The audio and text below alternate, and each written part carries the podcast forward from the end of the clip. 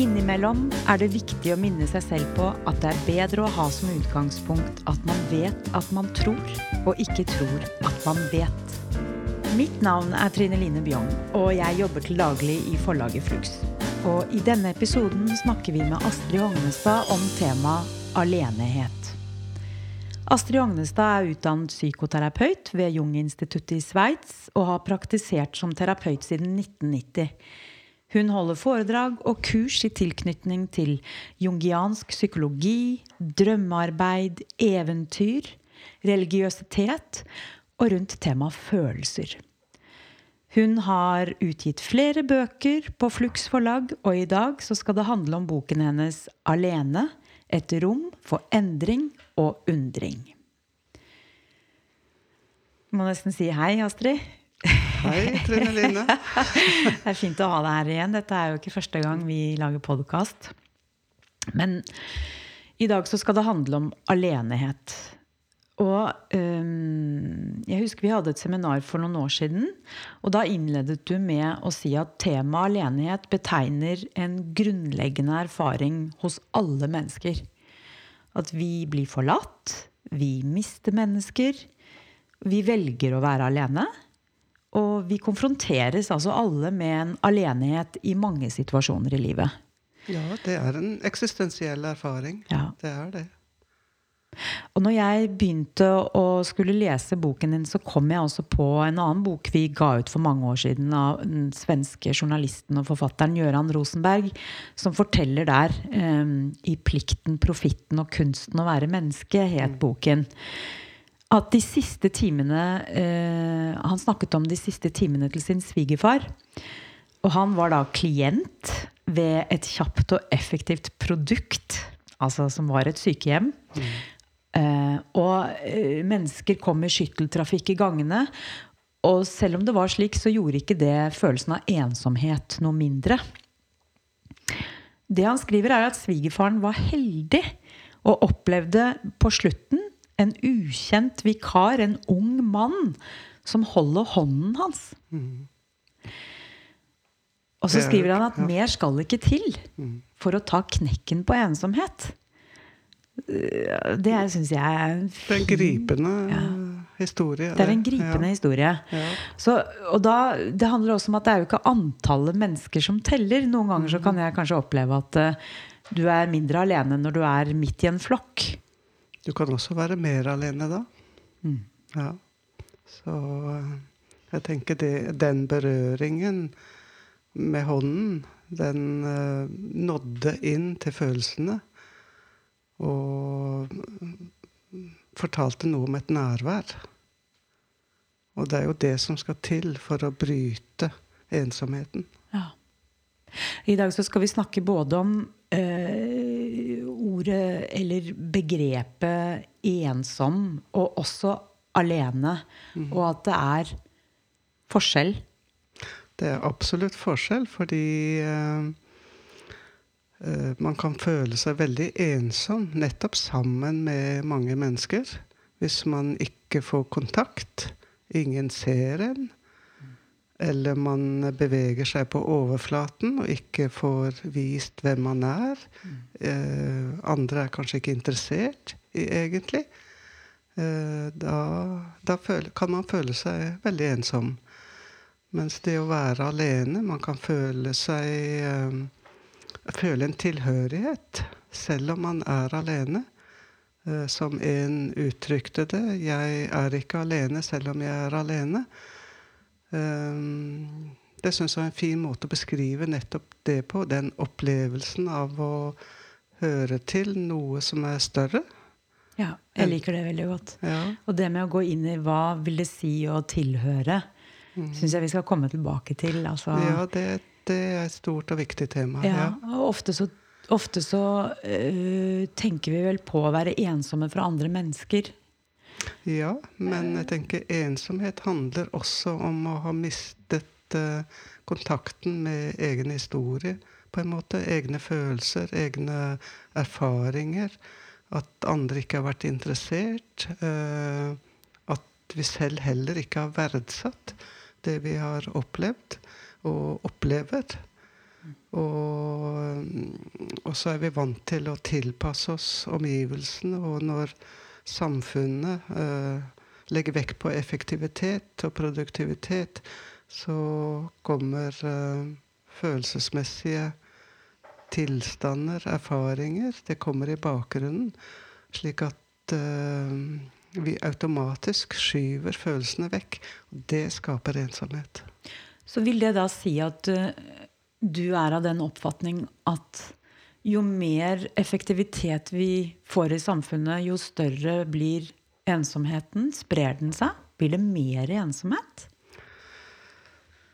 Ja, jeg har jo ikke noe tall å gå ut fra, men jeg tror det. Fordi uh, det er en holdning i samfunnet som uh, handler om nettopp effektivitet, å tjene penger, uh, gjøre masse ting, ha masse kontakter, være på Facebook i tide og utide.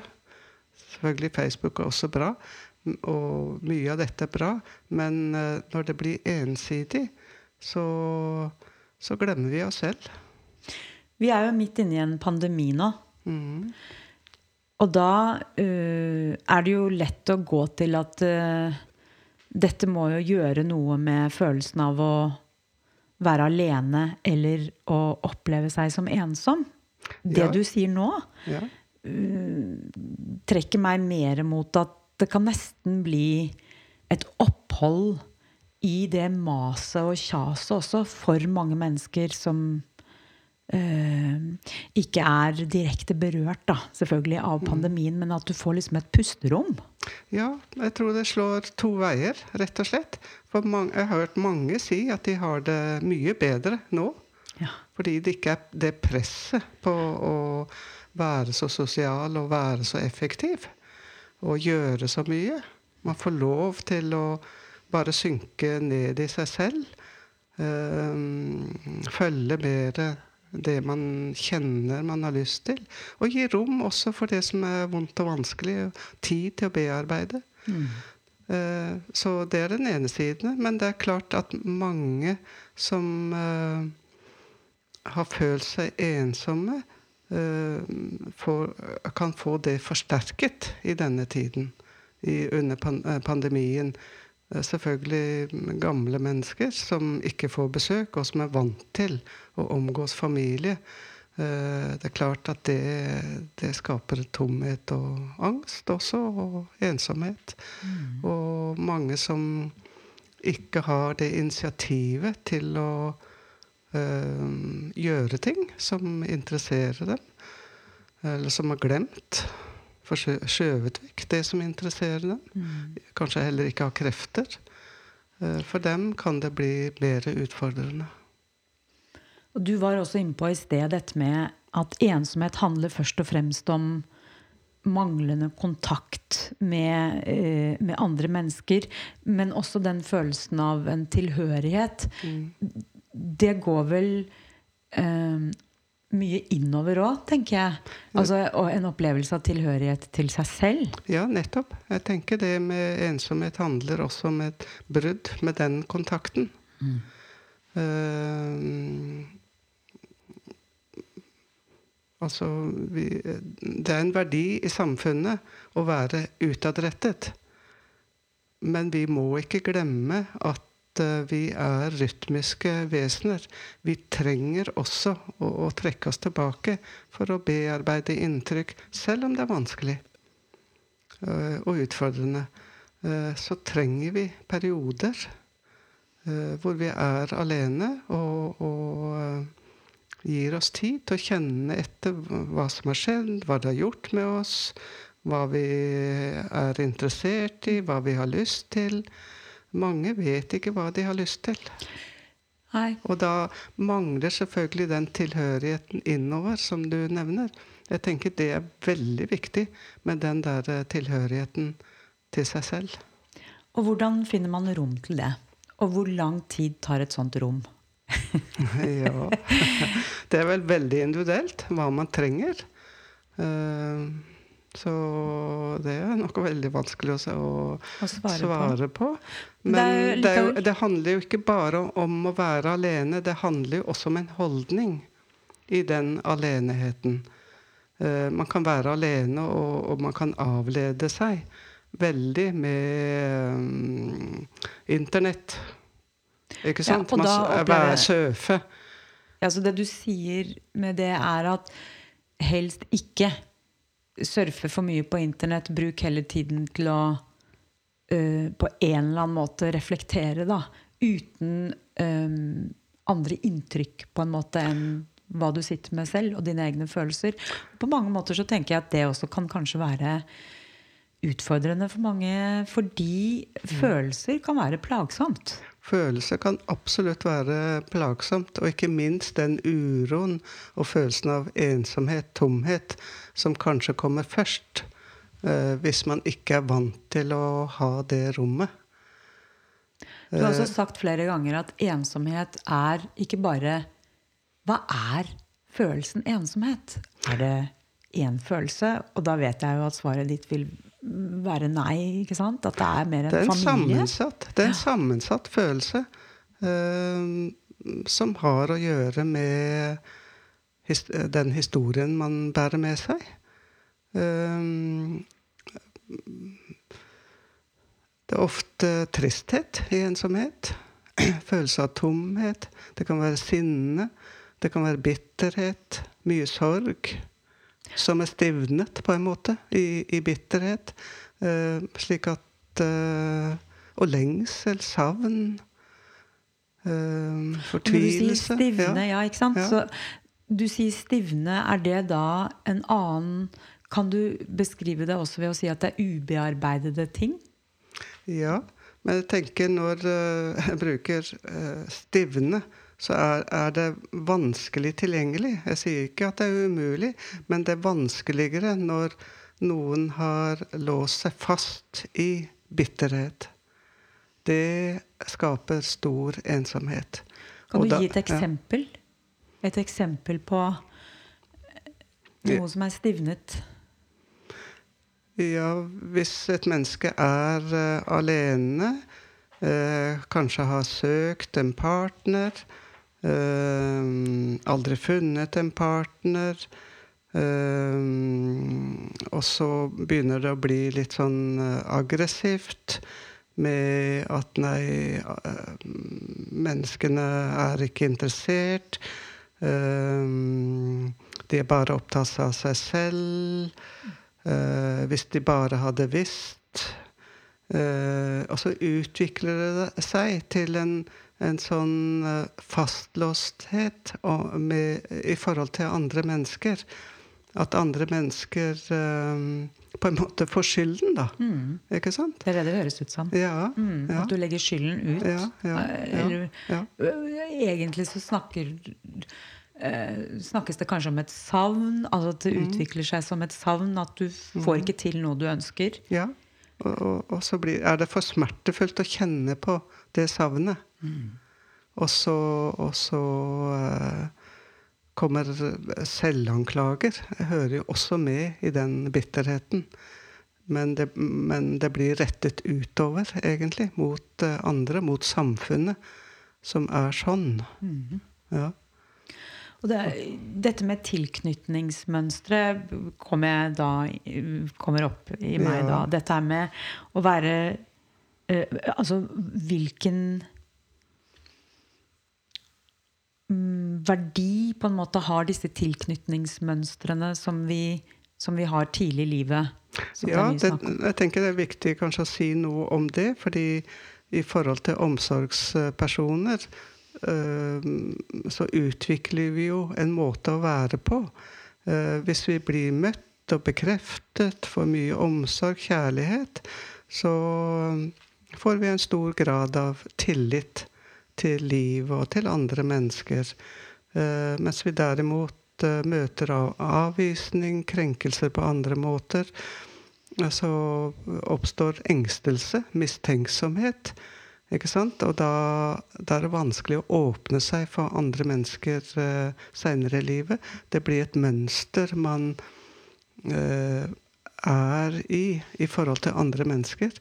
Uh, og hvis man ikke får gjort noe med det, så blir det gjerne forsterket gjennom mange negative erfaringer seinere i livet.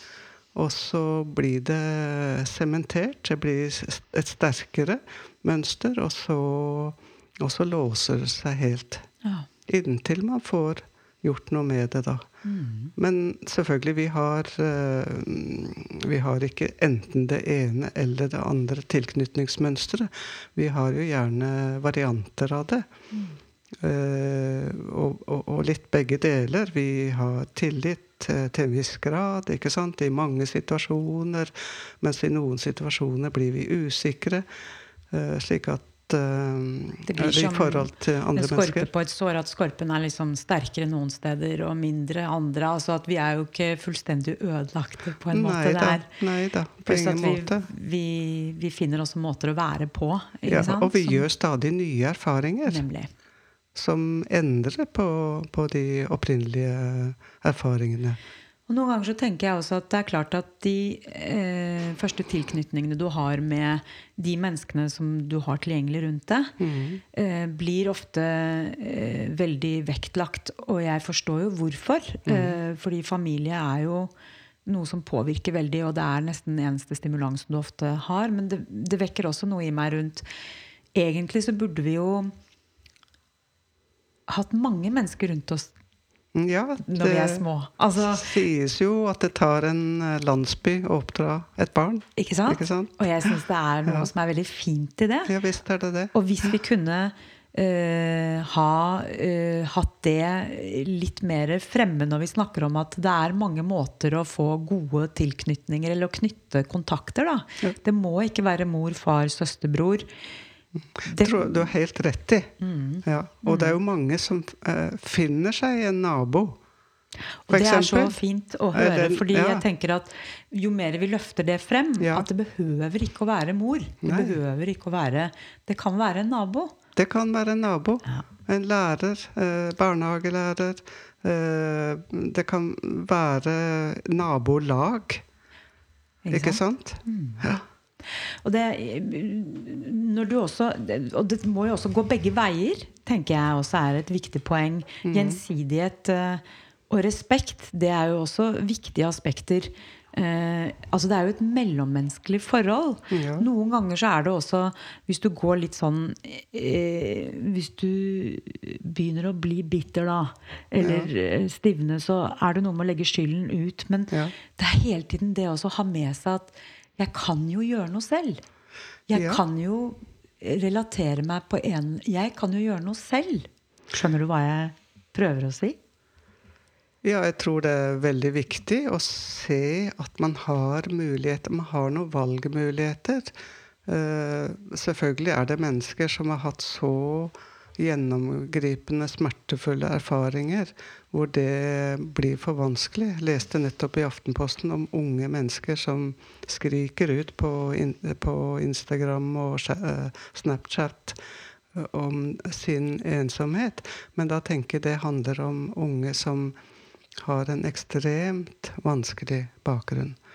Og som trenger at andre kommer dem i møte, henter dem inn, nærmest. Mm. Uh, så jeg tenker det, det, det er mange grader av uh, den bitterheten eller det, uh, det, sporet man kommer inn i i forhold til andre mennesker.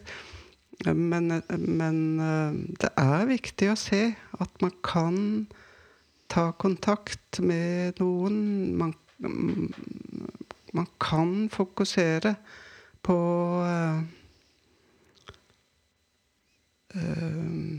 relasjoner som kanskje har betydd my mye noen gang.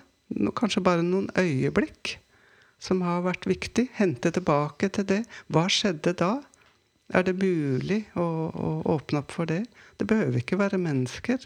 Jeg Snakket med en, en uh, gammel dame i, i går, og som uh, Altså Venner er dødd. Uh, minimal kontakt med fa familie. føler seg avvist. Lever helt alene. Isolert, vil jeg si. Uh, Men hun har jo fuglene. Ja, ikke sant? Jeg ler fordi jeg syns det er noe sånn veldig gjenkjennende med Ja. Eh, Også ofte at jo eldre du blir, jo mer glad blir du i disse fuglene. Ja, Jeg hører om mange som Ja, ja, jeg er i den alderen hvor fuglene betyr mye. Så Ja. eh, ok. Ja. Ikke sant? Men jeg tror det handler om tilknytning til natur. Ja. Gjennom eh, kontakt med fuglene, tilknytning til livet. Mm. Ikke sant? Mm. Eh, ja, og se på det som se, ja. et, en relasjon. det er også noe du har omsorg for når du gir, eh, gir dem mat. Ja. Ikke sant? ja. Ja. Og de responderer. Og de responderer. Ja. Og de har sine personligheter.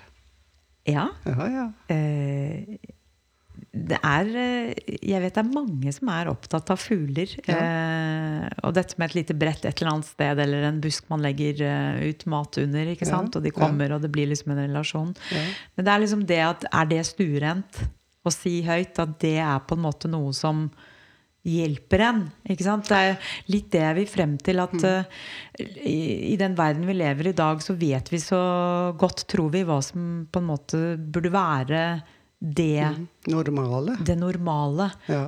Og etter hvert så eh, Det er jo ingenting som er normalt. Ellers så er alt Nei. normalt. Nei, ja, På, sant? på ett Ja. plan, da. På ett nivå. Men jeg tenker på en sånn historie er viktig fordi det også handler om natur. Vi er i ferd med å nedbygge og ødelegge vår natur. Ja. Og da tenker jeg det bør bli veldig stuerent å snakke om eh, fuglene. Absolutt. Ja. Eh, Og fremheve det. Og, og, og jeg, jeg tenker også det handler om menneskers eh, kreativitet. og jeg tror også lengsel. Og lengsel. Absolutt. Ja, Ja. både kreativitet og lengsel. Altså, Ja. Det er ikke mange år siden det kom den 'Trærnes hemmelige liv' Ja, som nei, en bok, nettopp. ikke sant? Ja. Som bare solgte og solgte. Ja. Og mye Jeg opplever at det har da noe i seg rundt at vi går med en lengsel eller en, forståelse vi ikke snakker så mye om, Ja, men som allikevel mange deler. ja, Og så det er kommer riktig. det et eller annet som du kan uh, lese eller lytte Ja. til om det temaet. Ja. For det er jo ikke noe nytt det der med at folk går og klemmer trær. Vi gir mat til disse små fuglene, gjenkjenner dem. Noen gir dem navn, Ja. osv. Ja. Uh, Og Anne Ragde har jo en eh, vakker fortelling om en eh, kvinne som lever alene. Og det nærmer seg jul, og hun skal opp på loftet og hente julepynt og sånn. Og så oppdager hun en rotte som krafser et eller annet sted. Og så gruer hun seg egentlig til jul, men begynner å mate den rotta, da. Og gi den eh, stoff til reiret sitt, for det er tydelig at den skal få barn. og så utvikler det seg til at hun gir den mat, og hun føler seg ikke lenger alene. Ikke sant? Og man kan selvfølgelig grøsse over en sånn historie. At det er en rotte som vi egentlig avskyr. Men jeg tenker det handler om uh, den lengselen som du nevner, savnet etter kontakt, men også en eh, enorm kreativitet fra, fra det indre. mm. At vi finner veier som skal verdsettes. Ja, og at de er der hele tiden. Ja. Det er bare det å se dem. Og å um, sette pris på dem. Ja, men det er selvfølgelig noen som har så tunge erfaringer at eh, det virker helt håpløst. At det ikke er noen åpning. Og, det, og jeg tenker det er en stor, stor utfordring å bare erkjenne at sånn er det. Eh, og at det er kanskje første skrittet. Ja. Ja. Å kjenne på smerten. ja. Ja. Og det eh, Å romme det, dette har vi snakket om før. ja. Men det er dette også med det evige jaget om, eh, om lykke, om eh, å være perfekt. Ja. Som stenger for de enkle gledene. Og det viktigste kanskje vi har, er å oppleve at det er noe som skjer rundt oss, eller noe vi selv opplever som meningsfylt. Mm. At, det, at det ligger en mening i det vi gjør. Ja. At det ligger en mening i det som oppstår hvis vi er i Og det er vi jo nesten alltid i relasjon til noe eller noen. ja da, det er vi. Mye viktigere Ja. enn den lykkefølelsen, da. Ja. Uh, det er vel noe bare med å være. Rosen blomstrer fordi den blomstrer. Ja, og, og som du sier, det å kjenne på smerten og ikke være så redd for det. Ja, roser er også torner. Ja, det er nemlig det, og det er også noe med det når det gjør vondt når knappene brister. Ja, ikke sant? ja, ja. Altså, det å vokse, det å faktisk bli mer bevisst hva som må til å bli eh, klar over mm. for å hele seg selv. Da kommer du inn på dette med den individuasjonsprosessen. -hmm. ja. altså det å bli seg selv. Ja. Det syns jeg er kjempespennende. Altså det er jo egentlig det vi holder på med mye hele tiden, er å prøve å bli det vi er. ja, nettopp. I stedet for den der uh, eh, lykkejakten. Ja. Og, og tro at man må ha det og det, og man gjøre det og det, og være så, og så sånn perfekt. ut, I stedet for å bare kjenne etter. Ja, hvor går min vei? Mm. Eh, Hvor Vi følger motorveien i stedet for å gå stien. Ja, og det er en Ja. sti for oss alle. Det er en sti som vi skal tråkke opp. Noen ganger så tenker jeg at jeg, jeg får liksom en litt sånn åh, deilig følelse når jeg ser f.eks. et gospelkor som har eh, eh, Som drar helt av i en kirke på, i en film, eller har til og med opplevd det, som var helt fantastisk. Og hvordan de bruker liksom dette med at de tror på Gud, og de legger seg liksom ned på knærne foran alteret, og det er liksom masse hender i været, og det er på en måte nesten en rytme i troen. Og jeg- jeg savner på en måte å være en del av det. Det er liksom noe godt med det å kunne eh, Du snakket om natur. Å tro på natur, å tro på en gud, å tro på noe større enn deg selv, å tro på relasjoner til dyr, trær Altså Mm. Livet. å tro på livet. Ja, at livet vil deg godt, egentlig. Ja, Vi har en vei å gå. det er viktig. Hvis Ja. vi bare hadde fått høre det hver dag. At ja. livet vil deg vel. Ja. For det er jo klart at når det. du står overfor store utfordringer virker, ja, ja. Og selv om det ikke virker sånn, det virker jo også veldig urettferdig mange ganger. Det er det det gjør. Ja. Kan ikke forstå hvorfor ting skjer. Og, altså både på et personlig plan, men ikke minst også når du ser på verden i dag. Ja, ja, Og hvordan skal vi ta det innover oss? Ja, nettopp. Jeg har sett i menneskers drømmer eksempel, at de står foran en bergvegg. Og det ser vi også i eventyrene eksempel, som symbol på å se kanskje på stengslene i stedet for å snu seg. Ja, Og se at neimen, der er det en grønn eng. Og se på utsikten. Se på utsikten. Ja. Mm. Og hvor enkelt det egentlig er. Men det er bare det å faktisk bli klar over at bare ved å Ja. snu seg, eller Ja. se på en litt annen måte, Ja. Så kommer det muligheter istedenfor stengsler. ja. Men det er Du ikke alltid lett. Det er ikke alltid lett. Men det er noe med å, å snakke om det Ja. og, og bli på en måte bare litt mer Litt nærere. Litt nærmere. At vi har muligheter Ja. hele tiden. Ja. Og at livet er verdt å leve. Ja. At det finnes noe der som er godt. En god kraft, det liker jeg godt. Ja. Jeg, synes, jeg, jeg tror på en god kraft. Men du sa i sted 'jeg er ikke alene selv om jeg er alene', sa du. Hva, uh, det var en kvinne som, som, Som er sa det? intervjuet i den uh, boken om alene. Ja. Ja. Ja, Ja. Som sa det. Og kan du utdype det litt mer? Jeg syns å huske at der var det også noe med at du eh, plutselig kan se ting, eller at det er noe eh, litt overjordisk, eller at du kan føle at noe er til stede, eller at du kan få en ro. Ja. Ja, det er jo mange som opplever det, hvis de eh, kan trekke seg litt tilbake, eller mm, bare er åpne for det. Eller mm, det skjer jo også uten at folk er åpne for det. Det er noe som bryter inn, på en måte.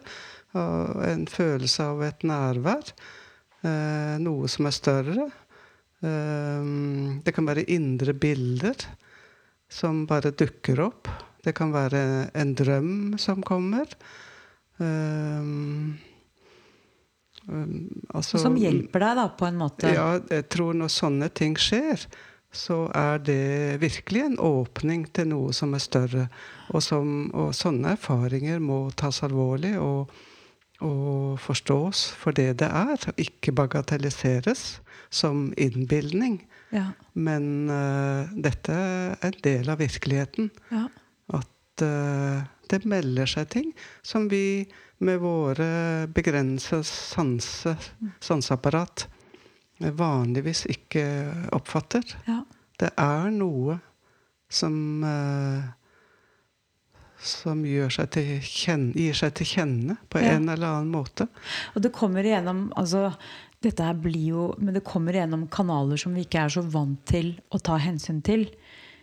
Ja, jeg tror det bare oppstår uh, spontant mange ganger. Når jeg har hørt på fortellinger fra mennesker som jeg har intervjuet, eller som jeg har snakket med i uh, terapi.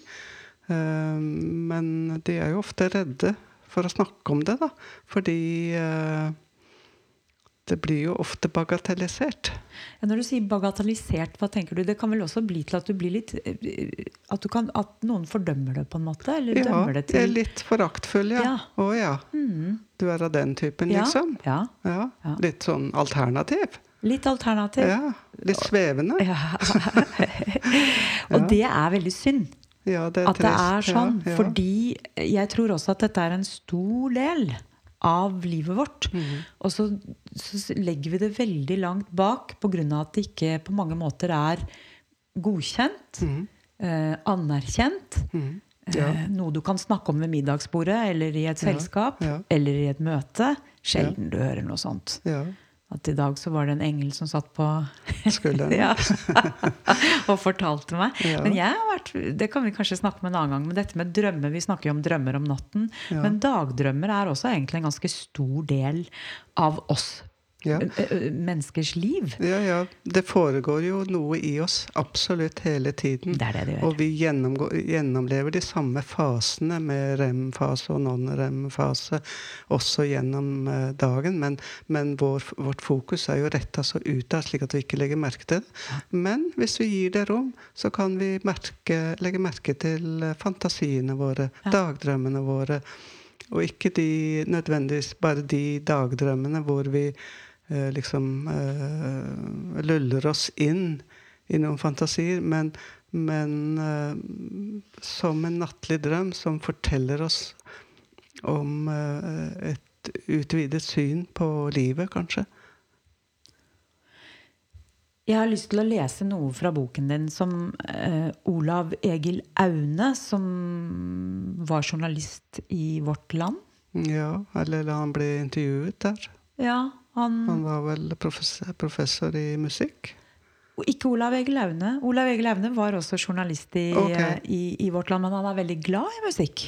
Ok. Eh, Ja. Og han, du har referert, du skriver at han sier et av musikkens kjente trekk er at den gjenkaller, får oss til å huske det fortrengte, kalle frem det gjemte, og samtidig stryker den, som Mozart, oss varsomt over sårene.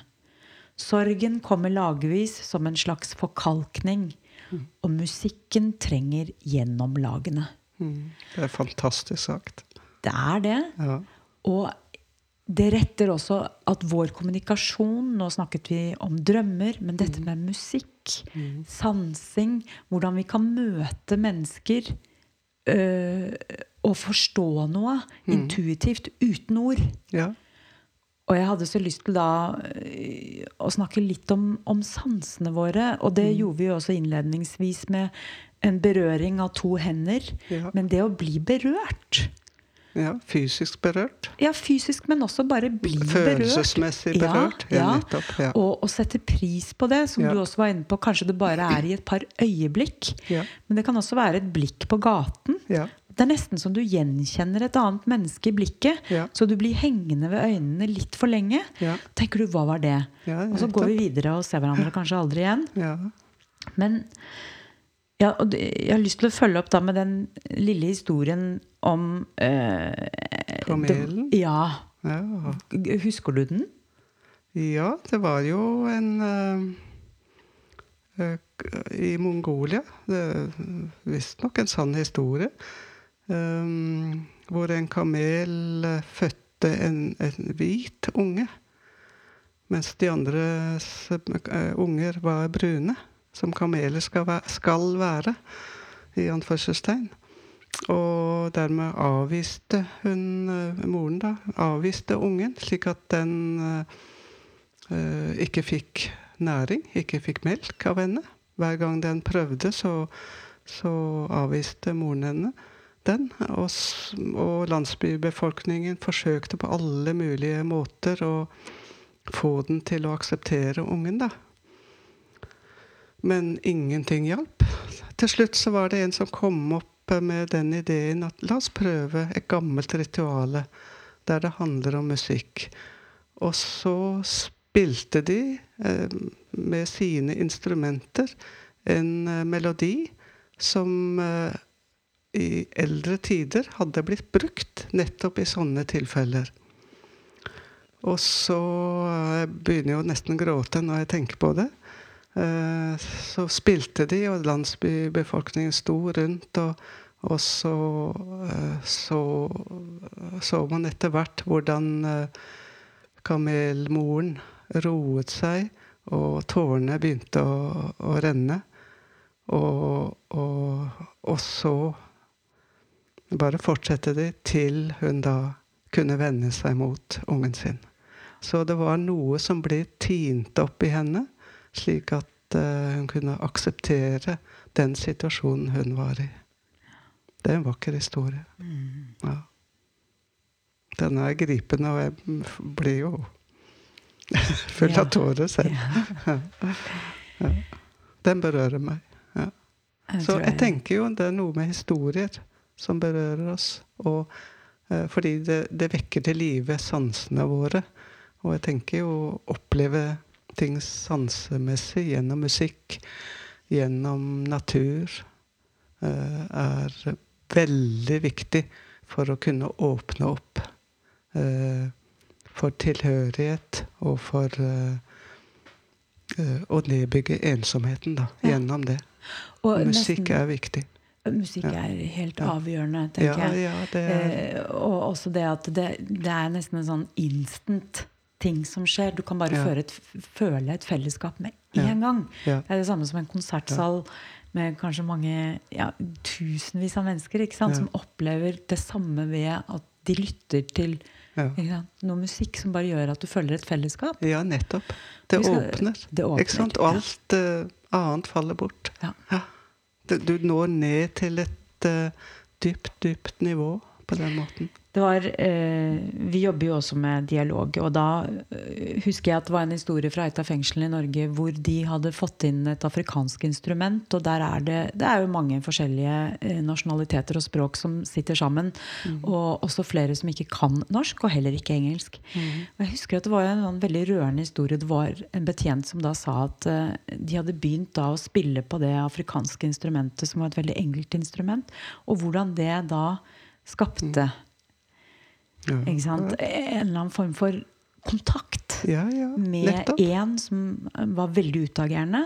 Mm. Men det, det, gjorde jo noe. Det var en gjenkjennelse. Plutselig så kom man nærmere seg selv, sitt land, sin kultur. Man blir berørt følelsesmessig gjennom mm. det, og mm. kommer dermed i kontakt. Ja.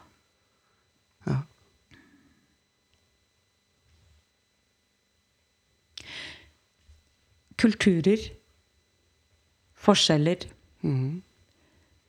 Vi hadde også en annen liten bok av en som het Sobomfu Somé, som skriver om at eh, en av afrikansk eh, opprinnelse flytter til USA, og moren vil ikke komme besøkende, for hun syns hun bor i et altfor stort hus. Og skjønner ikke at hun kan bo der bare to stykker når de har så mange rom. Mm. Ikke sant? Nei, og det sier også noe om at dette du snakket om i sted, med at det tar en landsby og oppdrar et barn. Det er mm. også noe med at vi sitter på mye areal i denne ja. delen av, uh, av verden ja. alene. Ja, ja. Noe med å invitere folk inn. Du ser jo også i sosiale medier hvordan folk begynner på en måte å si at uh, man kunne begynne å lage middager med med folk man ikke kjenner, f.eks. Mm. Altså å utvide hele tiden eh, begrepet av hvem man skal være sammen med og ikke. Ja, absolutt. Um... det var vel kanskje ikke noe spørsmål i det jeg stilte nå? Nei, men, men jeg får en assosiasjon.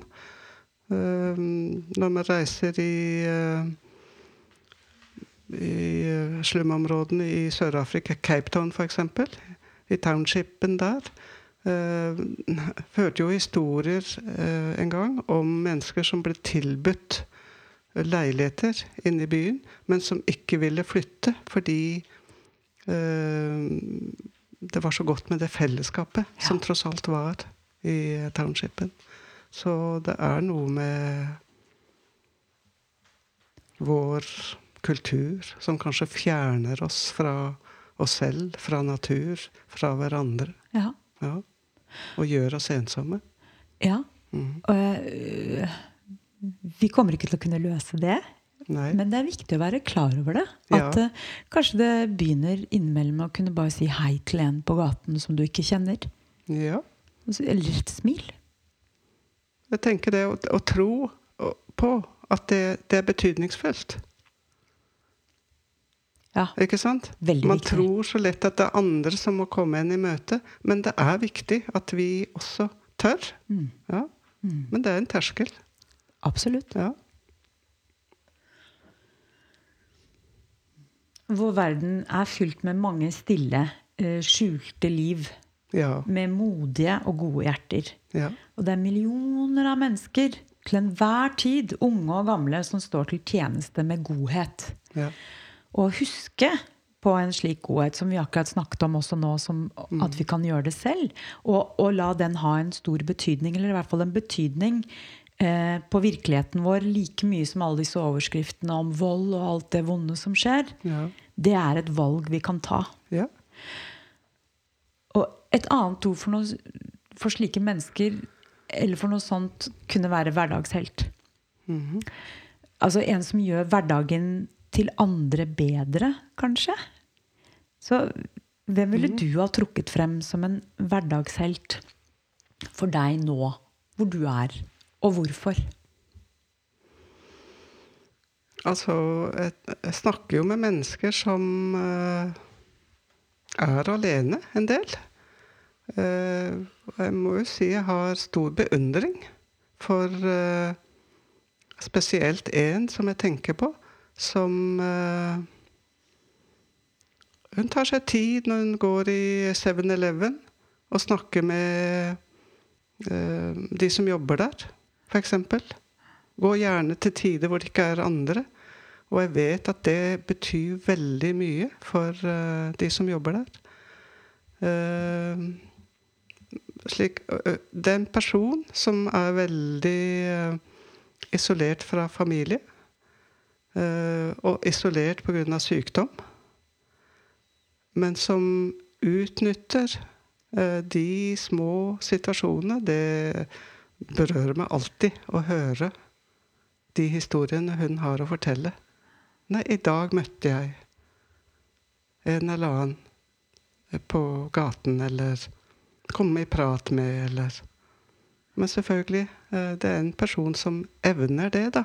Men hun sliter også med store, store ting. Men det er alltid inspirerende. Ja. Ja. Se det store i det lille. Ja, nettopp. Verdsette Mm. den der uh, lille kontakten som oppstår.